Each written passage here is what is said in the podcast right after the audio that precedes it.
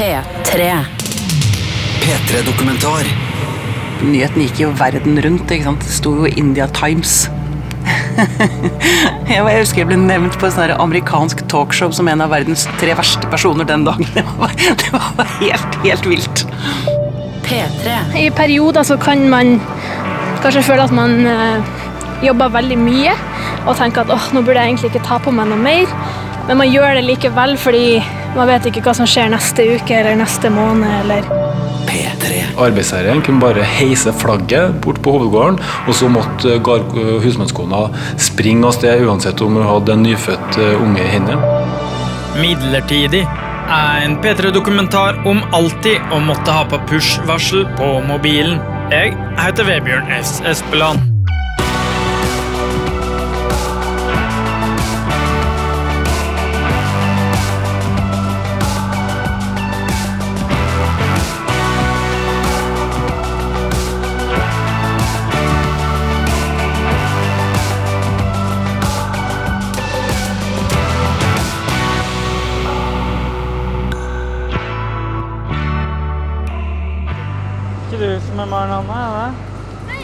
Var det? Hyggelig, Vebjørn. Det var du, ja. Jeg sto og kikka litt på deg. hvor sto du? Nei, jeg sto og kikka opp trappa.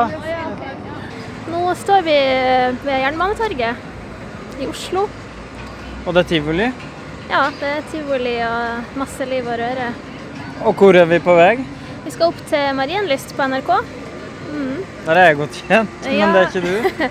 Nei, jeg skal opp der nå for eh, fjerde gang. Det er en slags test. Prøvejobbing. Ja, prøvejobbing, opplæring. Det er en tilkallingsstilling, så de, de eh, gjør seg jo ikke noen store forpliktelser overfor meg sånn med en gang, men eh, ja. Ni av ti unge drømmer om fast jobb. Er en drøm som ble litt fjernere i forfjor. Jeg mener det er et dramatisk angrep på ungdom sine rettigheter i eh, arbeidslivet. Det vil bety mindre frihet. Bety mindre frihet. Frihet. Sa SVs Audun Lysbakken. Unnskyld? Skal jeg stille deg et spørsmål? Ja. Ja, Hva heter du? Ragnhild. Hvor mange kjenner du som er midlertidig ansatt? Det er kanskje enklere å telle de som er fast ansatte. Eh, alle mine venner utenom kanskje ti, eller alle kjenner utenom ti, kanskje ti, er fast ansatt, så resten er på midlertidige kontrakter. Nesten 100, liksom. Ja, kanskje. I juli 2015 så innførte regjeringa ei lov som sa at bedrifter kunne ansette folk midlertidig i opptil ett år uten noen som helst begrunnelse. LO protesterte med kjempestreik over hele landet, og de to siste åra så har det blitt 10% flere midlertidig i alderen 25 til 30 år. Olav Nyhus, du er personaldirektør i NRK. Hvorfor er det så mange midlertidige i NRK? Ja, vi mener for så vidt ikke Det der er meg som fast ansatt i NRK, som stiller kritiske spørsmål til toppledelsen. Mens det her er meg for ti år sia, da jeg bare var midlertidig. Vil det si at blottere stort sett har stor tiss? nei, nei, nei. Hva skjer dersom en eh, som blotter seg, blotter seg for en annen blotter? Men helt seriøst så mener mange kloke mennesker at midlertidig ansatte er en trussel for kvalitet, ytringsfrihet, forskning og samfunnssikkerheten i Norge. Jeg er midlertidig ansatt, ja. IT. Nei, det er jo vanskelig. Det gir jo mindre stabilitet. Hvilken bransje er vennene dine midlertidig ansatte? Eh, stat. Eh, også IT. Eh, kommunikasjon. Medie. Politi. Hvor bra er egentlig denne midlertidigheten for AS Norge? Jeg forteller nå hva som venter deg når du kommer opp på NRK. Eh, da skal vi tekst. Da skal vi direktetekst VM i svømming. Det- Bulgaria. Bulgaria. Have a nice summer. Det, det var en rom. Ja, Ja. det var det. Ja, jeg sitter der på kontoret og tekster direkte de programmene som man ikke kan tekste på forhånd. Dvs. Si alt som sendes live og direkte, som nyhetssendinger og sport. Og... Så hvis du noen gang har trykt på tekst-TV 777 og sett at eh, teksten kommer opp litt sånn ord for ord, så er det det vi gjør, da. Du skal bli 777 på tekst-TV? Ja, jeg skal bli 777. oi, oi, oi. Maren Anne har blålig øyenskygge og store headset rundt halsen som er kobla til hennes livsviktige lysegule Sony Xperia-telefon. Akkurat den blei viktigere enn hun trodde da hun for fire år siden var ferdigutdanna døvetolk. I tre år på NTNU-skolebenken så hadde det vært snakk om tolkemangelen, og hun så for seg at hun skulle få fast jobb kjapt. Men først så måtte hun skrive en såkalt frilanskontrakt med Nav. Og da gjelder det å eh, sette på e-posten. Da kommer det ut liste med ledige oppdrag daglig og i løpet av dagene. Og det gjelder det å liksom være litt kjapp med å melde seg til de oppdragene. Og hvis du er heldig, så får du noen av dem du har meldt deg til. Og så holder du på sånn da, dag okay. for dag og prøver å skaffe deg nok jobb for den umiddelbare fremtiden. Hvor sitter du da? Nei, da jeg kan jo være hvor som helst. da. Jeg har jo kontoret i baklomma. Det er jo smarttelefonen min som jeg er på hele tida, så du ikke Ja. går glipp av noe. Så jeg kan jo sitte i leiligheta mi på Lademoen i Trondheim, eller jeg kan jo være på et annet oppdrag og sitte i pausen og må alltid være på da, i hvert fall til klokka halv fire når tolketjenesten stenger. Der skjer det ikke noe mer.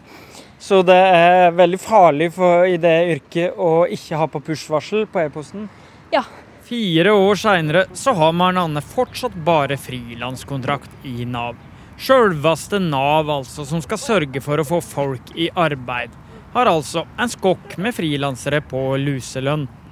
Nå håper Maren Anne på ei tryggere framtid i NRK, som ikke akkurat har rykte på seg for å kaste fast jobb etter folk, og som er den samme bedrifta som Pia Beate Pedersen sa opp på et ytterst dramatisk vis. Å, Gud. Uh, og jeg husker jeg sto opp veldig tidlig. Jeg var oppe halv fire, tror jeg. Jeg hadde jo morgenvakt. Så jeg husker at jeg dro på jobb og satt jo og tenkte opp mot sendingen. Jeg hadde første sending klokka åtte om morgenen. Og jeg satt og tenkte at hvis det skjer noe stort i Oslo og Akershus, så gjør jeg det ikke. Da må nyheten komme først, liksom. Men det var liksom ikke noe særlig nyheter, så dermed så Ja. Så jeg, jeg satt og vurderte det helt opp mot sending. Jeg var vel eh, Jeg vet ikke om jeg sier nervøs. Jo, jeg var jo det. Ehm, det var rimelig intenst, for å si det sånn. Og da jeg trykket på knappen, den røde knappen, og gikk på lufta, tre minutter over åtte da, etter Dagsnytt, og sa det jeg sa Ja, du kan kanskje tenke deg hva Pia Beate snart skal si på direkten til Østlandssendingas morgenlyttere. Hver sjette person mellom 25 og 30 år er i dag i midlertidig ansettelse. Det kommer i tillegg til frilansere og bemanningsbyrå. Og hos venstresidas tankesmie Manifest så er leder Magnus Marsdal bekymra for denne utviklinga. Hvis jeg har fast jobb med fast arbeidstid, så kan jeg planlegge fritidsaktiviteter, eh, være med familien og sånn, uten å alltid må ha på telefon, og plutselig så er arbeidsgiveren der, og så må jeg springe på jobb, enten det er som journalist eller som eh, renholder på et eh, hotell. Det er også en frihet som går tapt når du ikke har fast jobb. Det er friheten til å ha fri tid, som er din tid, der ikke sjefen kan komme inn og rekvirere dine tjenester. Vanligvis så sitter Maren Anne på skolebenken og skriver ned foreleserens ord via en data over til en hørselshemma students PC ved siden av seg. Men det, det er jo ikke nok å gjøre det heller, for da er jo klart det er jo ingenting på sommeren. Semestrene eh, starter seint og slutter tidlig. Da blir det jo mye reising i helgen på ja, møtevirksomhet, kurs og konferanser. Men det kan jo også være legetimer eller begravelse eller liksom 80-årsdagen til tante Olga. Hva er det artigste oppdraget du har hatt? da? Ja, det, det er artig å tolke på sånne plasser der jeg vet at her vil jeg aldri ha kommet hvis det ikke var for jobben min. Sånn som eh, eh, ja, hva skal jeg si? eh, Bryllup i rikets sal, eller eh, smittevernskurs på en slags sånn eh, eh, merkelig bunker en plass oppe i Valdres som ing- med full sånn hazmat-utstyr. Og vi får Men, være men hva for noe? Sånne, sånne smittevern, sånn drakt, sånn romdrakt nesten, ja. For at alle skal gjennom sånn praktiske øvelser, og liksom tolkene skal inn i det samme miljøet, så da skal vi også. Det er veldig mye sånn Oi, her, her står jeg. Her, jeg visste ikke at denne plassen eksisterte engang. Det- Vi får være med på mye rart, da. Vi er svært fornøyde med å få en mer moderne arbeidsmiljølov enn vi har hatt de siste årene. Sa Høyres Arve Kambe da lovendringa i 2015 var på plass. Vi får jo ofte høre at uh, retten til fast stilling er umoderne, og at den nye tid er fleksibilitet, og at du egentlig da kan hives ut på flekken. Manifest Marsdal har de siste åtte åra skrevet bok om frihet i Norge. Men eh, da jeg granska mine egne røtter tilbake i husmannsklassen midt på 1800-tallet, så fant jeg akkurat den samme debatten den gangen. Husmannen var jo en som hadde en liten jordlapp som storbonden eide, og så jobba han da for eh, arbeidsherren storbonden, men kunne kastes av når som helst. Arbeidsherren kunne bare heise flagget bort på hovedgården, og så måtte eh, eh, husmannskona springe av sted uansett om hun hadde en nyfødt eh, unge i hendene. Og Derfor så fikk du kalt for husmannsånden. husmannsånd. Du var redd for å kastes av plassen. Derfor så sto man og bukka og skrapa med lua i hånda og var underdanig og ydmyk overfor storkarene. Så dukka Markus Trane, arbeiderbevegelsen streike rettigheter og Martin Tranmæl opp. når det gjelder å hevde organisasjonens, arbeiderklassens interesser og bære sosialismen til fram i vårt sinn og i vårt samfunn. Markus Trane sa sånn Vilkårene er så ille at den stakkars arbeidsmannen må selge hele sin frihet for å få jobb. Så i over 150 år så har man kjempa om hvor stor makt skal sjefen ha til å diktere den underordnas eh, atferd under trusselen om å ta fra han alt. En type midlertidige er altså såkalte frilansere, som det har økt med minst 20 av de siste åra. De kryr det av i f.eks. TV-bransjen, hvor de jobber for en søkkrik eier mens det lages programmer i august til november og januar til mai, før de gjerne må gå på Nav om sommeren og i desember. Og så er det sånne som Maren Anne, da, som jobber frilans for Nav. Åssen har det vært å hatt en eh, sånn eh, arbeidsplass de siste fire åra? Eh, veldig uforutsigbart, veldig utrygt og veldig sånn opp og ned. I perioder så kan man kanskje føle at man eh, jobber veldig mye og tenker at åh, nå burde jeg egentlig ikke ta på meg noe mer. Men man gjør det likevel fordi man vet ikke hva som skjer neste uke eller neste måned. Eller, og man vet at litt før og litt etter jul så er det ganske rolig. Hele sommeren er det ganske rolig. Ah, jeg fikk et oppdrag i 2015 der jeg jobba Der jeg hadde 13 timer om dagen 58 dager i strekk. Oi. Men det var i utlandet, da. Eh, da reiste jeg og var borte to måneder. Og det var jo Da sa alle sånn 'Å, så heldig du var som fikk det oppdraget'. Så sånn, tenkte sånn, ah, Så heldig Nav var at det var noen som kunne spansk, som, kunne, som gadd å reise til Nicaragua og forlate samboeren sin og livet sitt og trening og alle rutiner og alt sånn for å ta det oppdraget, da.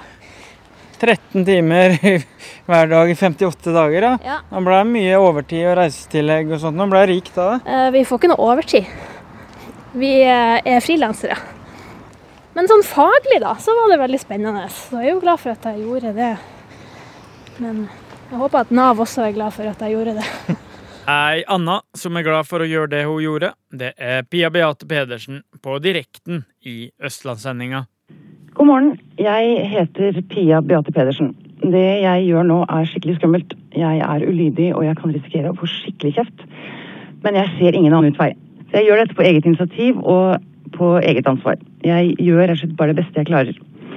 Jeg er så lei av å være sint og fortvilet. Jeg orker ikke å ha vondt i magen lenger. Jeg har lyst til å kunne spise ordentlig, og jeg har lyst til å kunne puste igjen. Derfor bestemte jeg meg for å lukke øynene, holde for nesen og hoppe. Jeg har ikke lenger noe å tape. Jeg håper NRK tar imot dette, men jeg håper det kommer gode ting ut av det jeg gjør nå.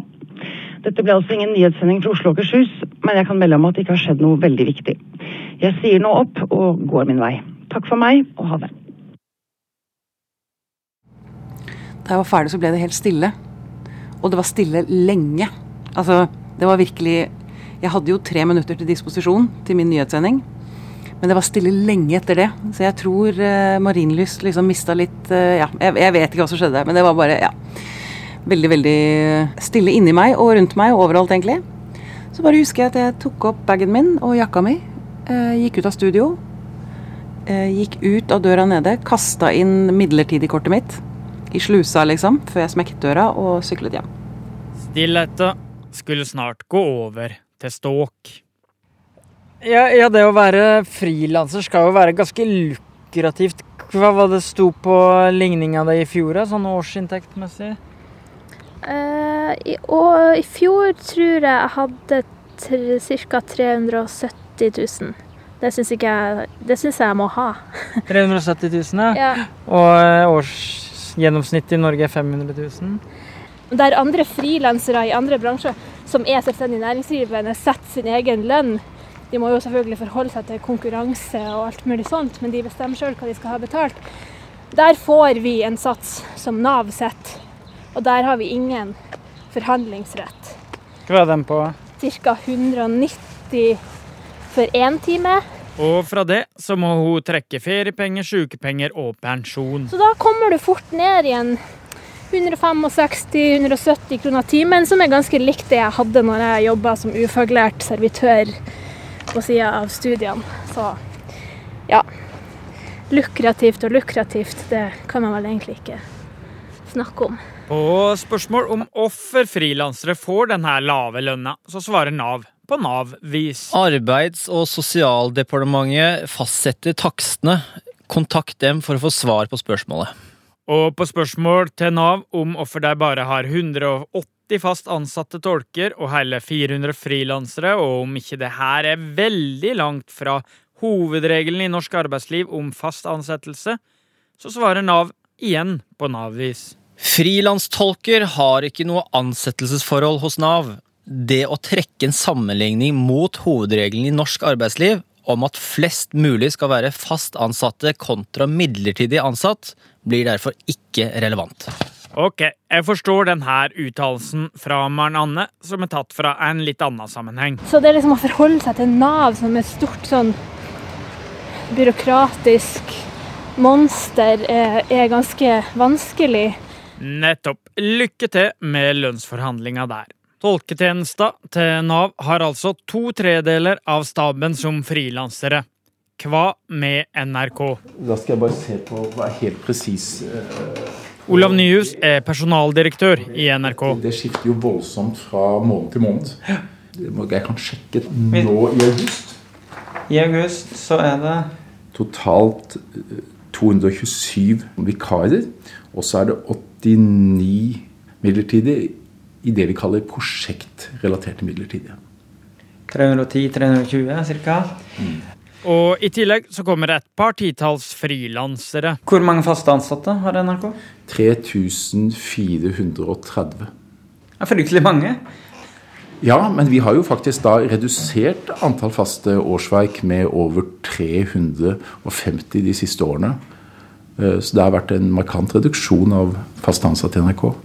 Da jeg var ung, var det ikke lov til å mekle arbeidskraft i Norge. Det var noen få unntak, som het vikarbyråer. Magnus Marsdal ved tenketanken Manifest er opptatt av at Ap, Høyre og co. for 17 år siden åpna ei lov for bemanningsbyrå.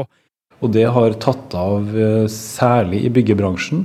Og det store flertallet i bemanningsbyrået i byggebransjen i Oslo-området kommer fra Øst-Europa, andre EU-land eh, og på en måte er innleide utlendinger. I fjor så omsatte de tre største av svært mange selskap, altså Manpower, Jobzone og Adecco, for 6,6 milliarder kroner. Eller tilsvarende lønna til 13 000 faste ansatte. Det er en stor strid om eh, bemanningsbyråene faktisk har fast ansatte eller ikke. For det her er jo folk som har eh, lønn ei uke, men neste uke så har de ingenting. Men det viser seg etter hvert at det står ikke i arbeidsmiljøloven at hvis du skal ha fast stilling, så skal du også ha lønn. Så da har du masse ansatte etter hvert som eh, har en såkalt fast jobb i bemanningsbyrå, men det er jo ikke noe lønn der, bortsett fra når sjefen ringer og sier at nå har vi noe til deg. Først så drev jeg og sjekka nettsider, og, og så skjedde det ikke noe. Så tenkte jeg shit, jøss, kom jeg ikke på lufta? Har de klart å liksom Har de klart å kvele meg, holdt jeg på å si, eller har de klart å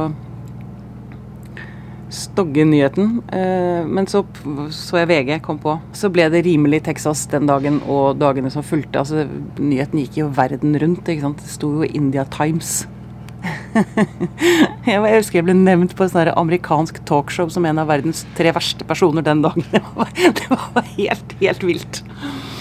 Og hadde jeg, ikke sant Jeg tenker jo, hadde jeg vært smartere, hadde jeg vært mer strategisk, så hadde jeg jo lagt en plan eh, for hvordan dette kunne gagne meg. Men det var jo ikke derfor jeg gjorde det. ikke sant? Jeg var jo Jeg er jo en idealist og en aktivist. I tillegg til at jeg eh, er jo, har jo også et snev av galskap. Det har jeg jo papir på. Jeg har jo en bipolar lidelse. Um, jeg tror det ofte må litt galskap til for å endre verden, da.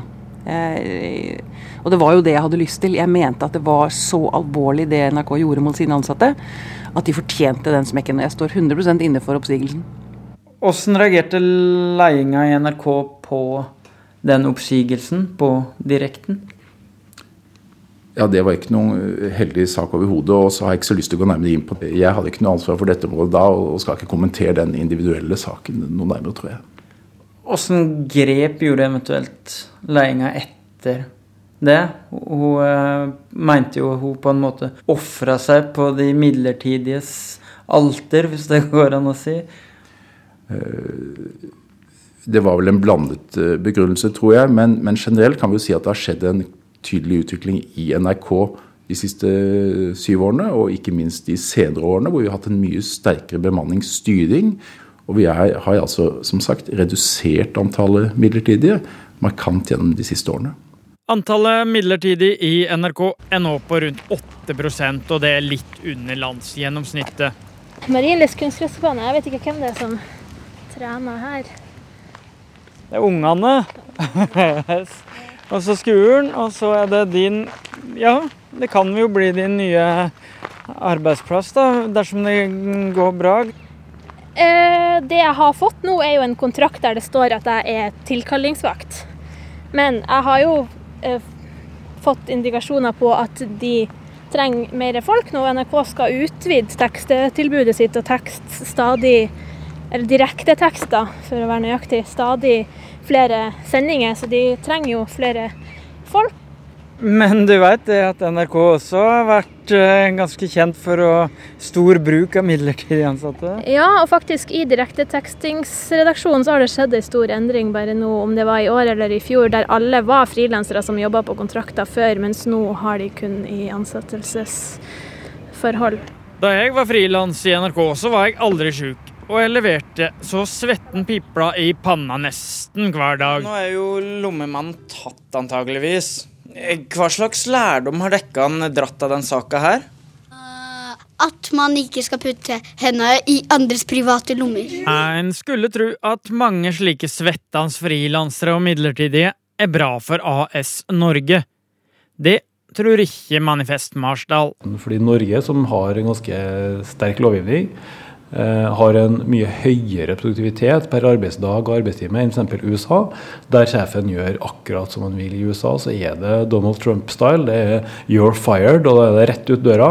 Man kunne jo tro i teorien at da fikk du veldig effektive ansatte som alltid ofra alt for å være best, fordi de var så hardt pressa av konkurransen, men sånn er det ikke. Den norske modellen der faste ansettelser er hovedregelen, leverer i dag et mer produktivt arbeidsliv enn det amerikanske, og det er jo verdt å merke seg også. I samfunnsøkonomien og så å si alle bransjer så øker produktiviteten år for år og tiår for tiår. Ting, ting blir alltid litt mer effektivt, eh, men unntaket er byggebransjen i Norge det siste tiåret, der vi har sett Eh, fallende produktivitet, samtidig som midlertidigheten brer om seg gjennom bemanningsbyråene. og Der er nok en sammenheng sammenheng med den utryggheten som mange har, som også gjør det mindre eh, effektivt å finne løsninger, ta ansvar og gjøre det på den norske måten.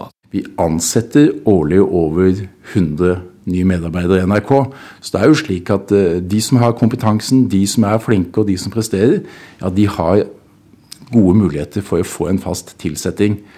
Og så er det ikke alltid at alle leverer etter forventningene, og da kan det heller det, da kan det være at de ikke får fast tilsetting. Hva er det som er bra da med midlertidig ansettelse? Sett fra arbeidskjøperperspektivet så er det en stor fordel å kunne ansette og prøve ut folk uten å bli stuck med dem. ikke sant? At du bruker dem når du trenger dem, og så kaster du dem når du ikke trenger dem. Um, men det tror jeg kan være um, å gjøre bedriften en bjørnetjeneste, fordi det er ikke noen måte å bygge kompetanse på, det er ikke noen måte å bygge lojalitet og ansvarsfølelse på.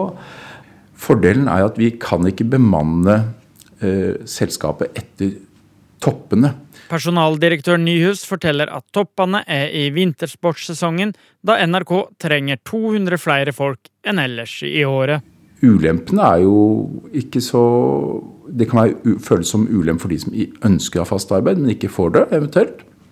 Men for NRK så er det jo også veldig mange positive sider. Det er andre arbeidstakere som kommer inn og tar med seg sin kunnskap, sin kompetanse inn i NRK. De lærer noe av å være i NRK, så de får en arbeidserfaring av å være her, som gir dem økt kompetanse om de ønsker å begynne å arbeide andre steder. En bedrift med 3000-3500 ansatte kan vel være vanskelig å ansette alle med en gang fra første dag? Ja, det kan det sikkert. Folk jo, må jo ha vikarer når det er fødselsperm osv. Ja. ja da, jeg, og jeg ser at uh, vikariater er um, de, de, trengs, de. Uh, jeg har bare lyst til å oppfordre da til å liksom gjøre, gjøre rammene så trygge som mulig, da. Altså så, så eh, så spill med åpne kort, eh, sånn at den ansatte vet hva den har å forholde seg til. Eh, og jeg er ikke sikker på om det er selve midlertidigheten som er problemet. Det som er problemet, er uh, usikkerheten i stillingen din. Altså det, det, å leve under konstant usikkerhet. Hvis man vet at ok, du har et vikariat på et halvt år, så er det oversiktlig. Uh, men det å gå fra dag til dag til dag og ikke vite liksom eh, ikke ha oversikt over din egen arbeidssituasjon. da. Midlertidigheten er en særlig alvorlig trussel i alle bransjer der samfunnet er avhengig av at de ansatte har sine meningers eh, mot og kan sette ned foten mot dårlige beslutninger fra sjefene. F.eks. alt som har med sikkerhet å gjøre. Hvis man skal bygge en eh, bro eller en konstruksjon som eh, hundrevis og tusenvis av mennesker skal over hver dag, så må man ha ansatte som har ytringsfrihet når det er sikkerhetsproblemer. og Det samme gjelder jo i Nordsjøen f.eks., der det er store sikkerhetsutfordringer. Eh, men vi kan også tenke på en bransje som journalister, eh, forskere, andre som har som oppdrag å søke sannheten, og ikke f.eks. Eh, søke sjefens bonus eller eiernes profitt på kort sikt, men sannheten på, på lang sikt. Det er altså mange typer midlertidighet. Pia Beate og Maren Anne har nok lidd under den aller verste typen, i sine henholdsvis 18 og 50 måneder. Denne dag-til-dag-midlertidigheta. På mange måter så savner jeg jo NRK. Det er jo, helt, det er jo en helt fantastisk arbeidsplass på mange måter, fordi du får lov til å være kreativ. Og jeg elsket jo mange deler av jobben min. Nå er det jo sånn, er jeg er heldig da, nå lager jeg jo podkaster. Pia og psyken, så jeg får fortsatt jobbe med lyd, som jeg jo elsker. Så det, det er jo fint. Mm. Nå eh, snakker vi eh, september måned. Hva har skjedd? Nå har jeg akkurat flytta til Oslo i går kveld.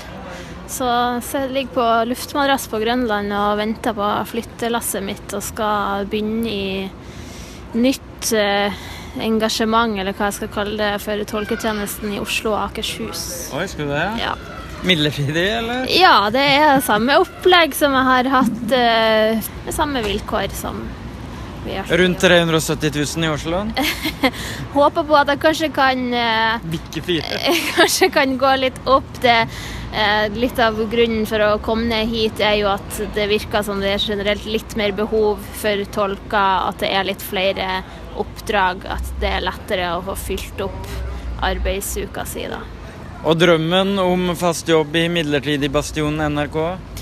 Ja, det får vi nå utvikle litt sånn over tid. Jeg skal ta vakter der utover høsten, og så får vi nå håpe at de etter hvert vil gi meg noen prosenter, og så får vi se, da. Truleg så er det å være midlertidig ansatt omtrent som å være singel. Det kan være veldig gøy og gi masse frihet. Særlig i 20-åra og dersom du har sjøltillit og masse tilbud.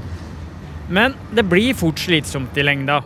Og ganske håpløst da, dersom du drømmer om å få barn. Hvis jeg hadde hatt barn, eller ville ha hatt barn, så hadde det vært eh, fryktelig urealistisk eh, å sette i gang med det akkurat nå, i hvert fall.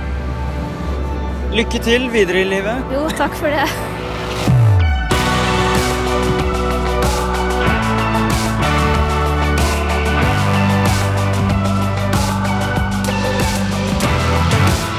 P3-dokumentar.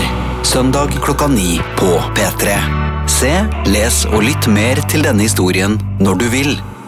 På p3.no.